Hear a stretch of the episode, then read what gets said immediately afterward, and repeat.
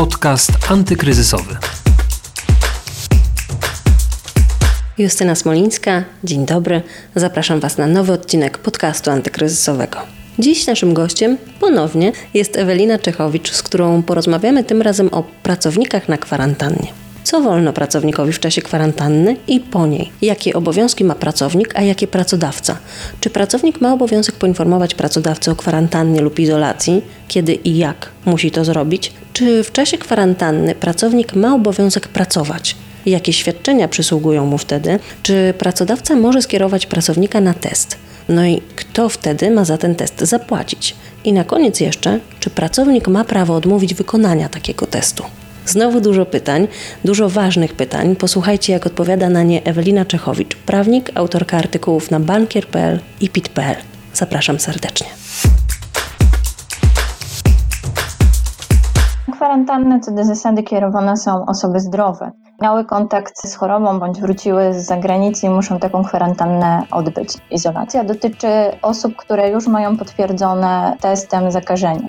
Te osoby są kierowane na izolację. Kiedy i czy pracownik ma obowiązek poinformować swojego pracodawcę o kwarantannie lub izolacji? Kiedy i jak należy to zrobić? Teraz, kiedy wiele osób pracuje zdalnie i, i tak rzadko kiedy bywamy w biurach, to wydawać by się mogło, że informowanie pracodawcy nie jest konieczne, a jak jest naprawdę? Musimy poinformować pracodawcę o tym, że zostaliśmy skierowani na kwarantannę bądź izolację i powinniśmy to zrobić jak najszybciej, jak tylko wiemy. Może się zdarzyć sytuacja, że chociaż pracujemy zdalnie, pracodawca na przykład zaplanuje, żebyśmy się pojawili w biurze, więc dla ochrony i bezpieczeństwa współpracowników powinniśmy tę informację przekazać jak najszybciej. Co więcej, zobowiązują nas do tego przepisy kodeksu pracy, bo musimy przestrzegać bezpiecznych higienicznych warunków pracy, tak, i dbać też y, o innych współpracowników, a nasz pracodawca odpowiada za, szczególnie za to bezpieczeństwo e, swoich pracowników, więc y, jak najszybciej należy powiadomić pracodawcę o kwarantannie bądź izolacji. Teraz sytuacja jest troszeczkę ułatwiona, ponieważ ZUS dokonał zmian i nasz pracodawca ma możliwość podejrzenia w aplikacji PUE, czy pracownik przebywa na kwarantannie bądź izolacji, no ale zdarzają się też błędy tak, systemowe. Docierały do mnie sygnały, że na przykład ktoś nie pojawił się w tym systemie, pomimo tego, że na przykład był, przebywał na zwolnieniu lekarskim, a nie było zaznaczone, że jest na kwarantannie bądź izolacji. To też ważne, ponieważ teraz nie trzeba pisemnego oświadczenia że jest się na tej kwarantannie bądź izolacji, więc dobrze poinformować, a w momencie, kiedy się okaże, że takiej informacji nie ma w systemie, no to powiadomić Sanepid, żeby tą informację uzupełnić, żeby nie było niejasności, kiedy pracodawca będzie chciał naliczyć e, wynagrodzenie za czas choroby czy zasiłek chorobowy. No właśnie, i tu przechodzimy do tego momentu, czy jeżeli jesteśmy w izolacji, to przysługuje nam jakieś świadczenie, na przykład właśnie zwolnienie lekarskie i czy to działa z automatu, czy na przykład możemy wtedy pracować, bo mamy taką ochotę, bo dobrze się czujemy. Jak to działa?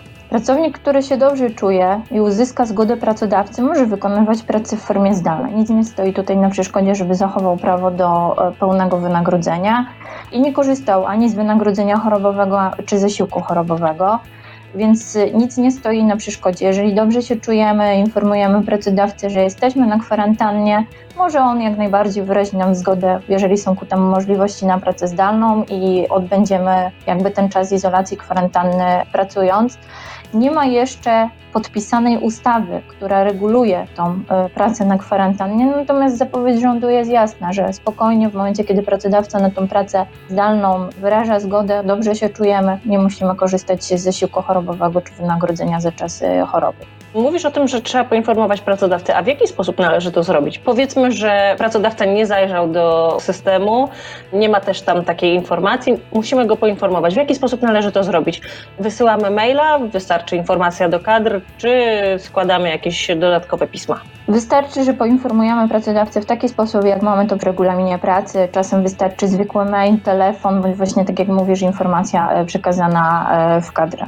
W zależności od tego, co zostało przyjęte w zakładzie pracy, tak żeby ta informacja dotarła do pracodawcy, żeby ta nasza nieobecność była usprawiedliwiona. Mówiłaś, że w czasie izolacji, kiedy mamy pozytywny wynik testu, ale jednak czujemy się dobrze, możemy pracować. A jak to jest w czasie kwarantanny, bo na kwarantannie znajduje się osoba zdrowa, która mogła mieć kontakt z osobą zakażoną albo właśnie wróciła z zagranicy. Czy w takim razie osoby na kwarantannie traktowane są jako zdrowe, zdolne do pracy i na przykład pracować zdalnie mogą i żadne świadczenia im, rozumiem, wtedy też nie przysługują? Nie. W czasie kwarantanny pracownik też może korzystać ze świadczeń chorobowych. Są sytuacje, kiedy nie może wykonywać pracy zdalnej. W momencie, kiedy jest kierowany na tą kwarantannę, kiedy nie może pracować, nie ma takiej możliwości, przysługują mu świadczenia takie jak właśnie wynagrodzenie za czas choroby bądź zasiłek chorobowy. Wcześniej trzeba było złożyć oświadczenie, teraz też właśnie z uwagi na ten system, o którym mówiłyśmy, nie trzeba tych e, dodatkowych oświadczeń składać, bo taka informacja czy o kwarantannie bądź izolacji znajduje się w systemie. A właśnie, jakie świadczenia przysługują pracownikom na kwarantannie? Mówiłaś o zwolnieniu lekarskim. Czy coś jeszcze? Są jakieś dodatkowe zasiłki, dodatki, które przysługują takim pracownikom? Czy to jest e, tak, jakby mieli zwykłe zaziębienie i siedzą w domu i są na L4 po prostu? To jest właśnie wynagrodzenie za czas choroby. Ci pracownicy, którzy nie wykorzystali jeszcze 30, co do zasady 33 dni w roku, bądź w momencie, kiedy są pracownicy powyżej 50 roku życia, 14 dni zasiłku chorobowego płaconego przez pracodawcę, oni dostają wynagrodzenie za czas choroby. To wynagrodzenie jest finansowane przez pracodawcę. W momencie, kiedy wyczerpią prawo do tego świadczenia, przechodzą na zasiłek chorobowy, więc niczym się to nie różni niż e, typowe właśnie przeziębienie czy świadczenia w czasie przeziębienia po prostu są zwolnieni, kiedy nie mogą świadczyć tej pracy i w tym momencie dostają właśnie pomniejszone wynagrodzenie. Część pracowników ma to wynagrodzenie dostawać w wyższej kwocie medycy, służby w 100%, natomiast inni pracownicy w 80% podstawy wymiaru. Co jeżeli już pracownik e, zakończył kwarantannę, jest e, zdrowy, nic mu nie jest, czy może bezpiecznie wrócić do pracy w takiej sytuacji, czy coś jeszcze dodatkowego musi zrobić? Teoretycznie może wrócić do pracy. Są sytuacje, kiedy nieobecność pracy jest powyżej 30 dni, wtedy pracodawca musi takiego pracownika skierować na badania kontrolne.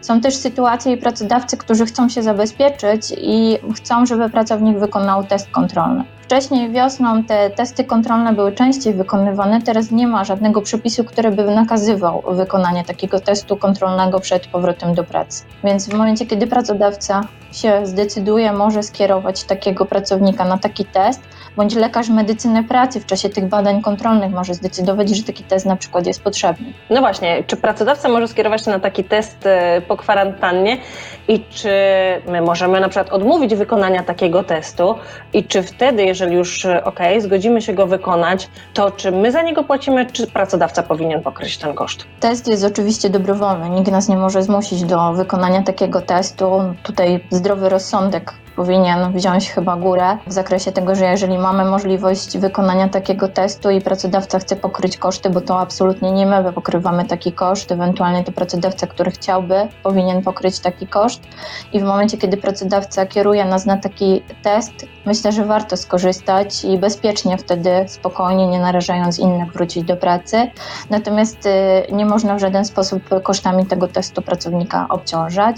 Co więcej, ochrona danych też nie pozwala poznać wyniku takiego testu w momencie tylko, kiedy albo dobrowolnie decydujemy się, albo Sanepid gdzieś tam informuje choćby o izolacji, no to nasz pracodawca wie, tak, z systemu, że jesteśmy e, zakażeni. Natomiast nie są to informacje, które są powszechne z uwagi na ochronę danych osobowych. Czyli może pracownik iść na taki test, który zlecił mu pracodawca i nie poinformować pracodawcy o wyniku tego testu? Może z uwagi na to, że to są dane szczególnie chronione. Powiedz jeszcze na koniec, czy pracodawca ma prawo wysłać pracownika na kwarantannę, taką zarządzoną przez siebie kwarantannę, nie wynikającą z przepisów e, odgórnie narzuconych przez e, rząd, przez państwo? Może wysłać na pracę zdalną. Ustawa i tarcze antykryzysowe y, dały możliwość skierowania na pracę zdalną, natomiast nie może swoją decyzją nałożyć kwarantanny na pracownika. Musiałby zawiadomić Sanepid o podejrzeniu, no tyle, że jeżeli to podejrzenie jego okaże się bezpodstawne, może się narazić na to, że taki pracownik będzie chciał świadczeń odszkodowawczych za to skierowanie na tak zwaną przymusową kwarantannę